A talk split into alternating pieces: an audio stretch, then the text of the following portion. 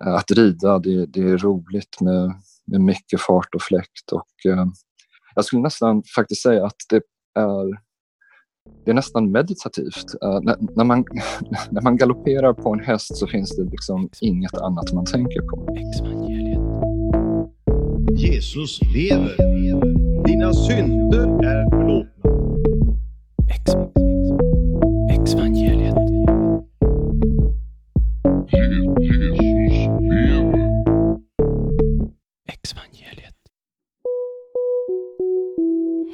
här är Hanna Larsdotter. Och ni är välkomna till det här förmodligen sista bonusavsnittet innan det är dags för att kavla upp ärmarna till säsong 3 av Exvangeliet. Inget startdatum är satt än, men förberedelserna är igång. Till dagens avsnitt. Vid Humanisternas senaste kongress valdes David Rönnegard till ny ordförande i Humanisterna. Tidigare ordföranden har varit Anna Bergström och innan dess Christer Sturmark. David Rönnegard är filosof och ekonom till yrket. Första gången jag hörde någonting om David var när jag gjorde research inför vårt avsnitt om döden. På min skärm dök ett YouTube-klipp upp där han i Malou von Sivers soffa samtalade med Malou och en präst om hur en ateist förhåller sig till döden. David har nämligen en svår form av cancer. Han beskriver sitt sjukdomsbesked i en artikel i Aftonbladet med orden Först kändes det som en ren dödsdom. Allt blev nattsvart. Sen kom insikten om vår förgänglighet. Jag tänker att vetskapen om att vi ska dö är en del av den mänskliga tragedin. Vi är de enda levande varelserna som känner att vår tid är begränsad. Men eftersom ingen vill dö tänker vi inte på döden förrän vi måste. Det är först då vi på riktigt blir medvetna om vår förgänglighet. Exvangeliet. Efter att David fått veta att hans sjukdom inte går att bota har han skrivit flera uppmärksammade artiklar om hur det är att vara en döende ung ateist. Och om vad som är viktigt i livet om man inte tror på ett liv efter detta. En av artiklarna, En ateist inför döden, publicerades bland annat i Läkartidningen. Där resonerar David kring livets mening och det vakuum som en döende ateist behöver hantera. Han skriver Med en humanistisk livsåskådning får vi inget evigt liv i himlen. Men kanske tvingar denna oss att göra vårt bästa med det enda liv vi har. Problemet är det att en del av oss inte får så lång tid som vi kanske hade förväntat oss. Kanske är detta helt enkelt humanismens sura äpple. Varsågod, ta ett stort bett. Med denna lilla långa introduktion säger jag välkommen till Exvangeliet David Rönnegard. Tack så mycket. Och varmt grattis till nya ordförandeposten i Humanisterna. Tack så jättemycket. Jag tycker personligen att det är super, superkul att det blev du som blev ordförande. Ja, det tackar jag också för. en klassisk sportfråga som känns jättetöntig. Hur känns det? Ja, jag känner mig väldigt hedrad. Jag, eh, jag har ju varit humanist långt innan jag visste att eh, humanisterna fanns. Eh, humanisterna är ju en, en livsåskådningsorganisation där människans frihet och förnuft står i centrum och det resonerar väldigt bra med mig. Uh, humanismen är ju ett alternativ till religiösa livsåskådningar. Men har du några hjärtefrågor som du vill lyfta som ordförande? Alltså som organisation så ligger vårt fokus i att bedriva opinionsbildning, seminarier, ceremonier och de här sakerna vill jag att vi ska göra ännu mer utav. Men en annan viktig sak är ju att humanisterna är en remissinstans för hur relationen mellan stat och trossamfund ska se ut och det omfattar ju även humanisterna som organisation. Och eh, I dagsläget så är det så att staten ger bidrag till religiösa livsåskådningar men inte till icke-religiösa livsåskådningar. Och det tycker vi är diskriminerande. Sverige, Sverige avviker från många andra länder, exempelvis Norge där humanisterna får agera på samma villkor som religiösa livsåskådningar. Och jag tycker personligen att det vore en stor framgång för humanisterna i Sverige om regeringen slutar att diskriminera mot icke-religiösa livsåskådningar. Så att det är en, det är eh, en av kanske flera hjärtefrågor. Mm. Men eh, förutom att du är sekulär humanism, så är, humanist så är du ju också ateist. Mm. För det första, vad är en ateist enligt dig? Och vad innebär egentligen sekulär humanism? Ateism i, i sin enklaste form är väl helt enkelt att man inte tror på någon gud. Men, men skrapar man på ytan lite grann så handlar det egentligen om två skilda frågor. Nämligen tror man att Gud finns och tror man att någon religion är sann? Och eh, gällande den första frågan om Gud finns så skulle jag väl kanske kalla mig själv för ignostiker, alltså inte agnostiker utan ignostiker. Och mm. vad det betyder är att jag vill inte föra en diskussion om Guds existens innan vi har definierat vad vi menar med Gud. Och eh, skulle man exempelvis med Gud mena en gubbe bland molnen så skulle jag inte tro på det. Eh, skulle man med Gud mena skaparen av universum, ja då är jag väl kanske agnostiker i den frågan för jag har lika lite aning som alla andra om vad eller vem som skapar universum. Och för den delen så behöver ju faktiskt inte universum ha någon skapare. Det är, det är fullt teoretiskt rimligt att universum alltid har funnits. Eh, och vad, vad gäller den andra frågan om, om någon religion är sann eller inte, ja, där är jag ateist. Det, det finns inga rimliga belägg för att någon människa någonsin har haft kontakt med Gud och vet vad han eller hon vill. Så det finns således ingen religion som, som är sann. Och det innebär att oavsett om det finns en gud eller inte så har det inte det någon bäring på våra liv här på jorden. En annan sak att tillägga är ju att, eh, att, att vara ateist är ju bokstavligen en negation. Eh, det betyder att man inte tror på Gud, eller hur? Vara ateist säger absolut ingenting om vad man tror på, det säger bara vad man inte tror på. Medan att vara sekulär humanist, det, det säger ganska mycket om vad man tror på. Uh, att vara sekulär humanist betyder bland annat att man förespråkar människans frihet och förnuft som en grund för en bättre värld. Det betyder att man förespråkar mänskliga rättigheter, man förespråkar att kyrka och stat ska vara helt åtskilda. Um, humanism betyder också att det inte finns någon förutbestämd mening med livet utan mening det är något som vi skapar själva.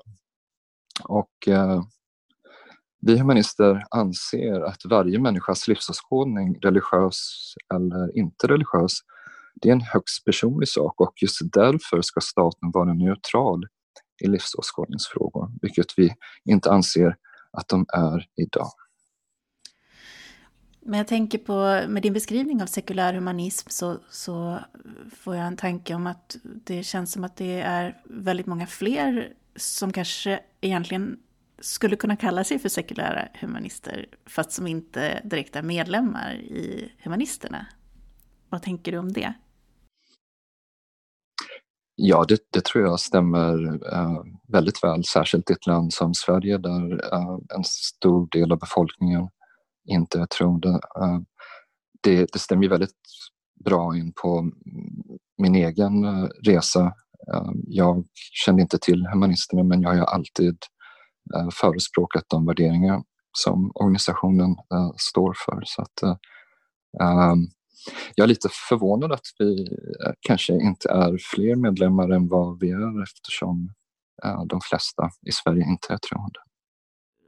om, om man skulle bli medlem, alltså, ja, vad, skulle du, vad skulle du göra för skillnad? Jag tänker att många kanske tänker det, att varför ska jag engagera mig eh, i humanisterna om jag ändå har de här värderingarna för mig själv? Liksom?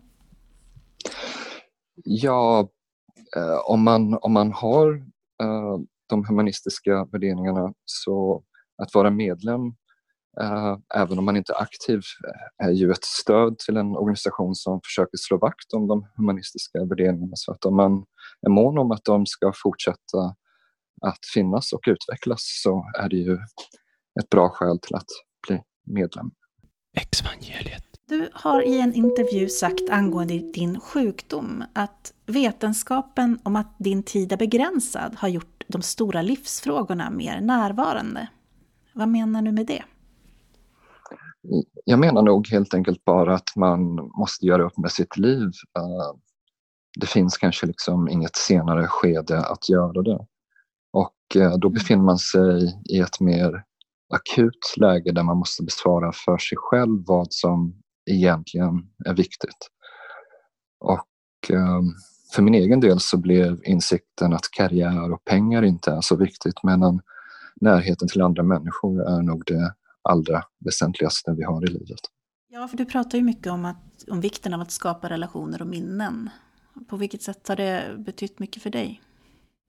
Ja, alltså i slutändan, vad vi har kvar, det är ju livets betydelsefulla minnen. Eh, för mig och jag tror kanske även för många andra så består dessa minnen av upplevelser som vi haft med andra. Eh, roliga och djupa upplevelser som, som helt enkelt sätter sina spår. Och eh, en annan viktig sak i det här det är ju att minnesskapande med andra är kanske också det enda sättet som vi kan få leva vidare ett tag till efter döden. Eh, ett gemensamt minne, det, det, besitter vi ju inte ensamma. Det, det är något som, som är delat och, eh, och på, på så vis lever ju de här minnena kvar hos dem som, som vi lämnar efter oss. Mm. Jag tänker också som, som eh, kreativ eller skapande person som jag är, jag håller ju på med konst och, och annat.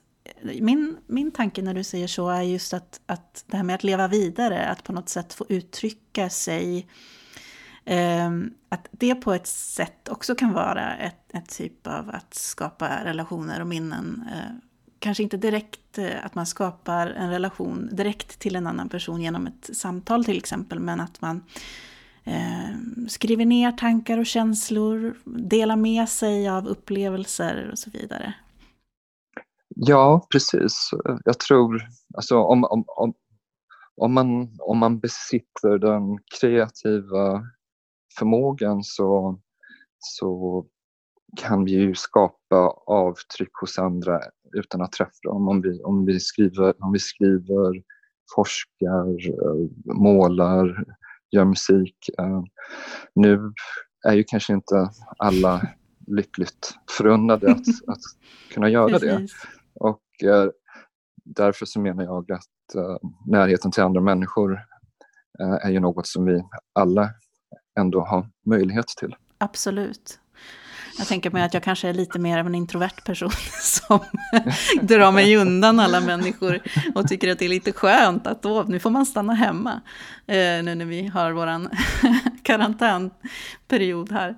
Eh, så jag tänker att man är väldigt olika, men jag förstår ju vad du menar. Vi har ju alla, alla behovet av att skapa en sån typ av relation. Eh, för mig är det också, min, min koppling till, till det här eh, som du pratar om är just det här, för mig har det alltid varit så viktigt just att, att kunna skapa relationer och minnen, men att just göra det genom min, att få uttrycka mina tankar och, och liksom, eh, om du förstår hur jag vi är, menar. Vi, vi, är, mm. vi är ju alla olikt funtade. Mm. Jag, jag upplever att eh, nära relationer och att uppleva eh, saker och ting i gemenskap är, är viktigt för dig. Uh, för mig menar jag. Men uh, alla är ju inte så. Jag känner flera som gärna kan gå på bio eller teater och tycker att upplevelsen är precis lika fantastisk som om de går tillsammans med någon annan. Mm. Men jag tror att uh, oavsett hur, hur, man är funtad i den bemärkelsen så, så har vi alla ett behov av mm. uh, av nära relationer. Mm. Ja, det kan jag hålla med om. Exvangeliet. Du har beskrivit döden som en evig sömn utan dröm. Och det låter ju väldigt poetiskt och vackert. Men du tror alltså inte att vi lever vidare på något sätt efter döden? Nej, jag tror inte att vi lever vidare efter döden. Um, I samma stund som mitt medvetande slocknar så tror jag också att livet slocknar. Och eh, det finns absolut inga belägg för att vi skulle leva vidare och därför har jag väldigt svårt att tro på det. Ehm, den kända skribenten och ateisten Christopher Hitchens, när han fick frågan vad som händer efter döden så svarade han det händer väldigt mycket, det inbegriper bara inte mig. Och det är väl lite grann så som jag ser på det. Mm. Jag som uppväxt eh, i en evangelikal miljö, för mig var ju just eh, själen och, och, och tanken på någonstans att, att kropp och själ är mm, separata på något sätt. Att, att själen är mitt jag. Eh, det var ju väldigt, en väldigt tydlig idé. Liksom. Så att nu när jag inte längre är evangelikal eller inte teist heller utan ateist, eh, så har ju jag fått ta adjö till min själ på något sätt. Mm. Uh, och när jag säger det, att jag inte tror att jag har en själ på det sättet som jag hade förut, till en, om jag säger det till en, till en troende till exempel, låter väldigt, väldigt hårt och tomt. Mm. Förstår du hur jag menar? Ja, det förstår jag. Därför mm. själen, om man nu tror på den, är ju bland det viktigaste man har i sådana fall. Det är ju det som på något sätt är jaget. Ehm, så det har jag förståelse för att det kan låta hårt och, eh, kanske till och med lite tomt. Ehm. Precis, det, det, och det är just så, om man pratar om just den här podden och, och sådana, vi som ni som lyssnar på det här, att jag tror att det är väldigt många som kan känna igen den. Alltså att det här identitets... Man måste liksom hitta en, en ny identitet ofta om man, om man lämnar en, en tro, ett tro, trosystem. Och det här, en sån del kan vara verkligen en sån, eh, en sån otrolig omställning. Eh, men jag tycker att det kan vara väldigt, väldigt skönt att få lyssna på, på, på dina beskrivningar då. Att, att det inte behöver vara tomt. Att det inte behöver vara den här tomheten, finnas den här tomheten på något sätt, meningslösheten som jag tror att man ofta lär sig inom, inom min, min gamla kyrka i alla fall. Att, att när man lämnar tron på Gud så finns det liksom ingenting. Men du beskriver det ju i alla fall så att jag tycker att, att, det, att det inte behöver vara tomt. Man kan skapa mening ändå liksom. Ja, eh, en, en, sak som kanske angränsar det här det är ju att eh, vissa anser att livet är meningslöst om det inte fortsätter i all evighet. Eh, och det tycker jag ju är att missa poängen helt och hållet. Det är ju, det är livet fram till döden som är det betydelsefulla. Och I viss mån så är det ju så att, att det faktum att det tar slut är ju också inte bara meningshöjande men meningsskapande. Skulle livet fortsätta i all evighet så tror jag att det skulle vara svårt att kunna skapa mening i samma bemärkelse. Så att det, det, det, att tiden är en knapp resurs innebär ju att vi måste göra någonting med den här tiden. Annars, mm. annars behöver vi kanske inte göra så mycket. Nej, I mitt gamla sammanhang, så vi, speciellt när jag var yngre, eh, var lite mer så eh, missions, eh, friförsamling, liksom, missionskyrka, så, så var det ju liksom, det var ju himlen man längtade till. Alltså det, det talades ju om, det här är bara en, en, en, en sträcka som vi ska gå för att komma till himlen till slut. Så att det, det, kan ju finnas... Ja. Precis, det är väl det jag syftar mm. på lite grann. Att om, om man om man eh, tror på ett liv efter döden så fortsätter ju det i all evighet. Eh, de, de 50 eller 100 år som vi får här på jorden blir ju helt betydelselösa i relation till evigheten.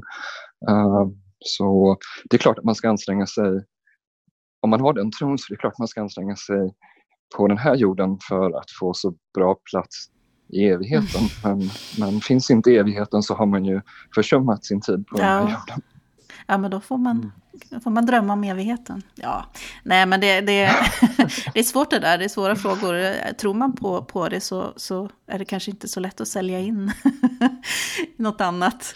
Men, men man får nej. ha samtal med, med människor. Jag tror att det kan vara väldigt viktiga samtal att prata om just, ja men försöka se livet som, det här livet som begränsat i alla fall. Även om man drömmer om en, en evighet. Men upplever du att människor har svårt att tala om döden i Sverige? Och varför är det så? Jag, jag tror själv att just det där att jag uppfattat mycket att, att, att kyrkan har ofta övertag på de här svåra livs... Eller övertag, men någon slags eh, monopol nästan på de här svåra livsfrågorna. Ja, alltså, alltså, alltså uh, att människor har svårt att prata om döden i Sverige. Klart, det är klart det är så, men jag tror inte att Sverige skiljer sig sådär jättemycket från andra länder. All, alla är nog uh, rädda för döden och just för att de är rädda för döden så är det svårt att prata om döden. Och, eh, och eh, som sagt, Eh, det är ju en del av den mänskliga tragedin att vi vet att vi kommer att dö. Och eh, döden är väl kanske det mest skrämmande som finns. Det betyder ju slutet för allt eh, från vårt eget perspektiv. Och det är därför det är svårt att prata om det, att det är slutet på allt. Och kanske kan det vara så att det är lättare för de som är djupt troende att prata om döden om man nu tror på ett evigt liv. Men tror man på ett evigt liv så tror man ju egentligen inte på döden. Och eh, det är därför det ibland sägs lite skämsamt om ateister att ateister är en dödskult. Därför det är bara vi som faktiskt tror på döden. Alla andra tror inte på döden. Och eh, ja, och det här med att, eh, att religioner verkar ha monopol på samtalet om, om liv och död. Jag, eh, när jag låg på Karolinska sjukhuset så blev jag tillfrågad om jag ville få träffa en präst och det tyckte jag var lite märkligt med tanke på att de flesta i Sverige inte är troende. Ehm, men jag har förståelse för det för det är ju eh, präster som, som har vanan och inte ryggar för de här frågorna. Men eh, en rolig nyhet som kanske kommer eh, snart det är eh, att eh, humanisterna befinner sig i startgroparna med att erbjuda möjligheten att få prata med en så kallad humanistisk samtalsperson. Vilket helt enkelt innebär att man får samtala om eh, existentiella frågor och tanken är väl att det här kanske exempelvis ska kunna erbjudas på sjukhus och fängelser. Ja, men det låter jättespännande tycker jag. Och, det, det var precis det jag menar, just det där att det finns liksom, det är ju, jag tror att väldigt många troende gör en jättestor insats, alltså från sitt håll, liksom att det, är, det är ju där också som det har funnits den här möjligheten att prata om döden och existentiella frågor. Men jag, men jag tänker att det är jättespännande att vi liksom som, som ett sekulärt samhälle kan bli bättre på att hitta de här andra möjligheter till att kunna prata om svåra livsfrågor. Jag tycker det är superspännande. Samma här. Exvangeliet. Eh, angående det och, och, när du berättar om, om eh, när du låg inlagd där på Karolinska så jag började tänka på om jag skulle ligga på dödsbädden eh, nu snart eh, och få frågan, kanske speciellt om till exempel mina föräldrar skulle fråga om jag vill komma tillbaka till Jesus innan jag dör. Alltså återvända på något sätt till honom. Det skulle vara en av mina... Alltså en, en, det är en jättestor skräck för mig. Um, för mig skulle det vara liksom ett tecken på att jag inte duger. Jag har inte levt ett tillräckligt bra, bra liv. Jag har inte um, gjort det som de hade velat att jag skulle göra med mitt liv. Jag, jag har hört mycket sådana berättelser liksom om att människor har liksom lämnat sitt liv till Jesus när de, inför döden och sånt där. Mm. Eh, och jag som då har gjort det innan döden och kände mig ganska nöjd med det. Jag brottas ju fortfarande med de här äh, känslorna av att eh, egentligen så tycker ju då mina nära och kära som tror att tron på Jesus är liksom Det är liksom det bästa som finns och det är också så som jag kommer att kunna bli räddad till nästa liv. Liksom. Eh, men det innebär också att jag lever hela tiden med den här känslan av att de, har en att de är besvikna på mig. Att de blir ledsna om jag inte vill bli troende igen. Speciellt in, inför ett dödsögonblick. Liksom. Så att det var skrämmande. Är förväntningarna på dig som är skrämmande eller är det uh, att, känna, att, att inte veta hur du ska ställa dig för den frågan vid ett dödsskede? Eller? Nej, utan eh, det som är skrämmande för mig är känslan av att jag inte duger utan Jesus för min, till exempel mina föräldrar eller eh, en troende. Ja, det här är kanske är svårt att förklara eh, när man inte har haft som erfarenheten av att just vara extremt troende och Jesus är det viktigaste i mitt liv och genom honom kommer jag till himlen. Och, ehm, eh, eh, för mig skulle det vara, nu när jag liksom har lämnat, eh, jag tror att man hela tiden brottas med den här grejen att är jag okej okay utan eh, den här tron på Jesus? Är jag okej okay som människa? Eller, för du vet, ofta när man lämnar, liksom, man, man ses ju som en avfälling på sätt och vis. Du ses ju som en fallen person. Jag är liksom inte riktigt okej okay utan Jesus. Så att, att få frågan av dem som är mina nära och kära just innan jag skulle dö, för mig skulle det vara liksom ett eh, tecken på att jag inte duger? Oavsett om man pratar om religion eller annat så, så eh, är det ju något som jag tror alla eh, brottas med. Sin, en, den egna eh, självkänslan, den känslan av om man själv duger eller inte. Och, eh, så att eh, det, det, jag kan förstå att det blir kanske extra påtagligt i ett skede där man har fått eh, ta en annan väg än sina allra närmsta och käraste. Eh, Ja, precis. Ja, det finns säkert paralleller i, i, andras, uh, i andras upplevelser, i andras liv. Sådär. Mm. Exvangeliet. Hur som helst, nu ska vi gå vidare. Det är ju faktiskt så glädjande att du har fått nya mediciner mot din sjukdom. Mm. Och det har lyckats bromsa ditt sjukdomsförlopp. Och vad, in, vad innebär det här för, för både din sjukdom, liksom, men, men också din diagnos och prognos och hur du ser på framtiden? Uh, ja, vad, vad medicinerna har gjort är att de har uh, gjort att jag har fått en så kallad komplett respons och uh, vad det innebär är att man kan inte längre se cancer på röntgenplåtarna. Ehm, men det, det, innebär tyvärr inte att jag, jag är botad eftersom det troligtvis finns cancerceller kvar som kommer tillbaka den dagen medicinen slutar att fungera. Så jag ser på framtiden lite grann som en kapplöpning mot tiden. Eh, jag hoppas att det finns nya mediciner när de nuvarande slutar att fungera. Men, eh, ja, men, men, men medicinerna fungerar än så länge och de fungerar så pass bra att jag vågar väl blicka framåt ett år eller två medan när jag fick beskedet så känns det mer som att jag levde lite grann från dag till dag. Mm. Ja, men det är väl viktigt för alla på något sätt. Jag tror när man lyssnar på dig, man får ju också en, en känsla av att egentligen vet vi ju faktiskt ingen hur länge vi ska leva. Eh, det är ju ingen som vet det. Nej, vi, vi är ju faktiskt alla döende i mm. en ganska bokstavlig bemärkelse. Eh, det är väl mm. snarare så att vissa av oss uh, um, ja, får besked som gör att man eh, kanske ser horisonten lite innan. Eh, nu när du um, har fått ett bromsat, bromsat sjukdomsförlopp eh, så tänker jag på att i min gamla evangelikala gemenskap så föreställer jag mig att det är många som skulle kalla, kalla det som hänt för ett mirakel.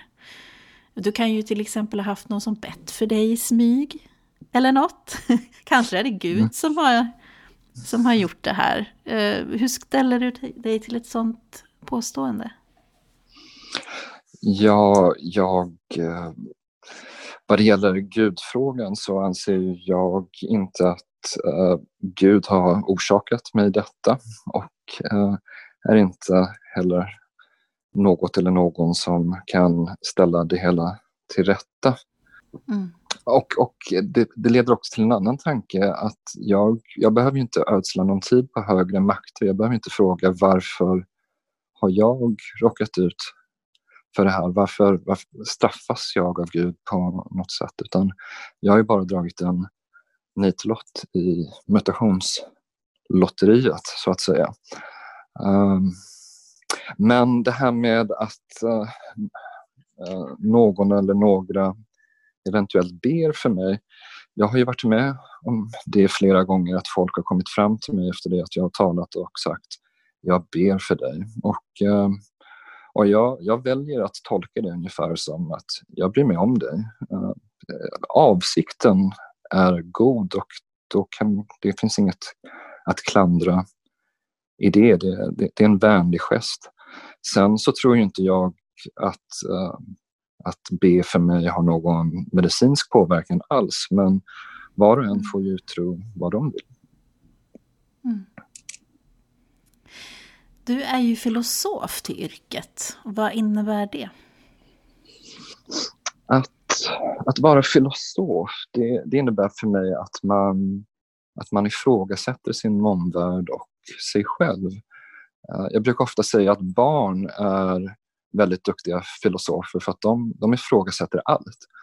Och eh, på sätt och vis så ser jag mig själv som den frågvisa barnet som aldrig riktigt växte upp. Mm, men sen så är det ju så också att, eh, att, att vara filosof till yrket, det, det är också ett jobb. Och eh, i praktiken för mig så innebär det att jag, jag forskar, skriver, föreläser. Um, och uh, ja, eh, mitt, eh, det kanske inte alla känner till, men mitt, eh, mitt forskningsområde ligger i gränslandet mellan filosofi och ekonomi och handlar om företagens samhällsansvar vilket på engelska kallas Corporate Social Responsibility. Och man, lite förenklat kan man säga att det handlar exempelvis om hur maktrelationen mellan stat och företag ska eller bör se ut eller vilka skyldigheter företag bör ha gentemot sina olika intressenter. Så det är det jag forskar och sysslar med när jag inte uh, håller på med humanisterna.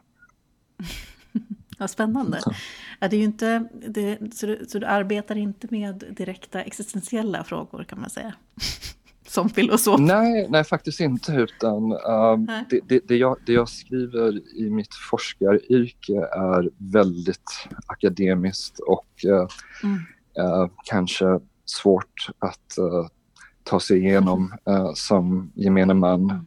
utan det här med existentiella frågor är något som jag har börjat skriva om efter det att jag blev sjuk och allting blev mycket mer i ett akut läge. Uh, och, då, och, när jag skriver om sådana frågor så är det ju mer populärvetenskapligt uh, med ett språkbruk som förhoppningsvis är lite lättare att ta till sig. Ja, just det. Mm. För jag har tänkt på det, jag minns tillbaka själv för det finns ju förstås kristna och religiöst troende som förkovrar sig i filosofiska frågor. Men jag personligen minns tillbaka till mina egna funderingar på filosofiska frågeställningar, säger jag då lite allmänt. Eh, eh, på, till exempel på gymnasiet minns jag att vi hade en, en kurs i filosofi. Och jag tyckte att det var väldigt spännande att tänka på de här stora frågorna. Men jag kände alltid att det var lite farligt att ifrågasätta för mycket. Lite som att om jag funderar för mycket på hur kan vi veta att vi vet det vi vet, så kommer min gudstro att bli alldeles för utmanad. Och jag ville inte utmana den tron, för den var så otroligt viktig för mig. Den var ju liksom hela mitt liv. Så skulle den falla så skulle hela mitt liv falla. Och därför så undvek jag hellre alldeles för problematiserande frågor kring kunskap och vetande. Trots att jag var väldigt nyfiken. För jag hade ju redan ganska trevliga svar på alla frågor som min kristna tro erbjöd. Hur tänker du när jag berättar det? Ja, alltså rent spontant så tänker jag att man inte måste vara religiös för att känna rädsla inför ifrågasättande. Det, är, det är mm. ganska mänskligt att vilja hålla sig fast vid sina förutbestämda uppfattningar. Um, det är exempelvis många som skräms av filosofin eftersom man på något sätt alltid befinner sig i någon form av ovisshet. Uh, man, som du själv beskriver, man är rädd för att hela ens världsbild ska, ska rasa. Så det, det, det, är många som påbörjar filosofiska studier och inte fortsätter. Delvis eh, kanske på grund av just det. Men, men med det sagt, uh, vad, vad som ändå utmärker oss humanister tycker jag är vår nyfikenhet. Vi, vi fördömer dogmatism och eh, till skillnad från många religioner anser vi att all kunskap kan ifrågasättas. Och när kunskapsbilden om vår omvärld förändras har, har vi inga problem med att ändra vår uppfattning. Och eh, så är det inte riktigt bland många religiöst troende, tror jag. Men om man då vill utmana sitt eget tänkande och den här världsbilden som man har, eh, finns det några grundläggande frågor som man kan ställa sig? vad, vad, är till exempel kunskapsteori och hur kan man närma sig den när man är nyfiken? Ja, kunskapsteori är väl det som också kallas för epistemologi. Och, eh, mm. och det handlar om metoder för att tillskansa sig kunskap. Eh, det handlar även om uh, vad kunskap är för något och om det är möjligt att komma fram till det som verkligen är sant på i någon form av objektiv betraktelse. Och, jag vet inte riktigt om det finns några direkta grundläggande frågor annat än mm. varför tror jag mig veta det jag vet? det är väl mm. den frågan. Mm. Och, här så måste man nog bestämma för sig själv vad man anser är goda grunder för kunskap.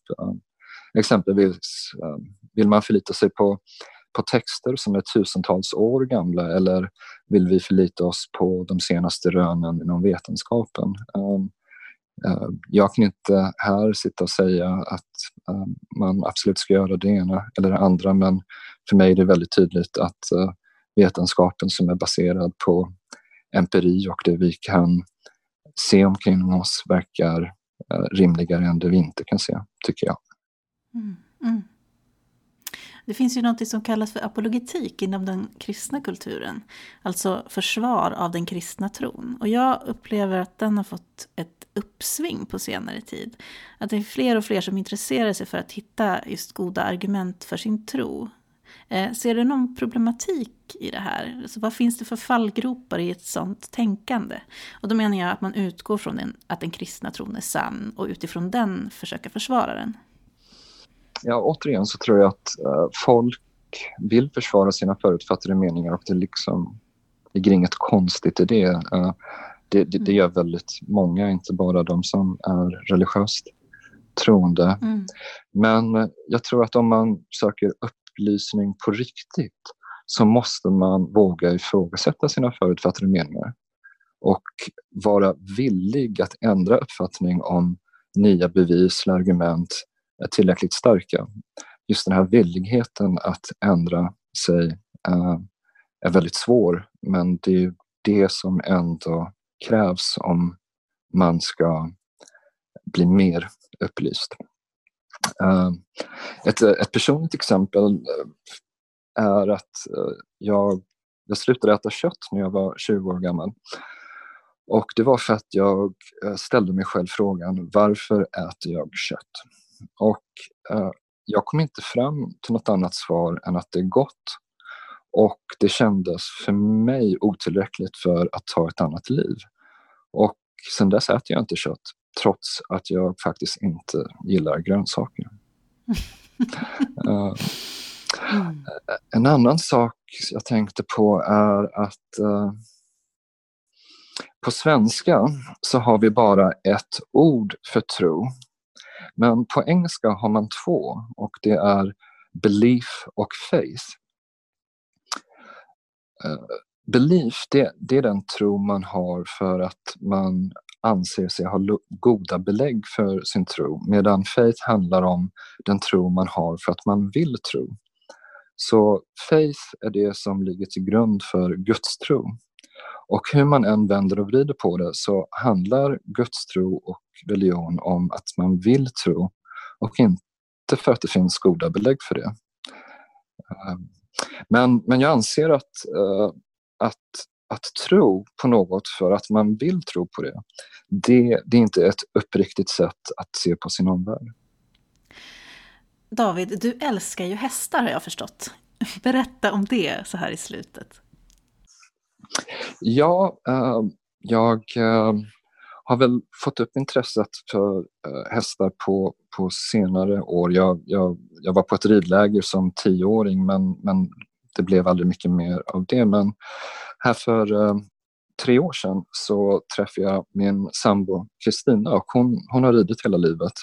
Och det var på så sätt som jag fick upp intresset. Och jag måste tillägga att, eh, att det är inte bara ridningen utan det, hästarna är ju fantastiska mm. djur. Att, och, um, att rida, det, det, är roligt med, med mycket fart och fläkt. Och, um, jag skulle nästan faktiskt säga att det är det är nästan meditativt. Uh, när, när, man, när man galopperar på en häst så finns det liksom inget annat man tänker på.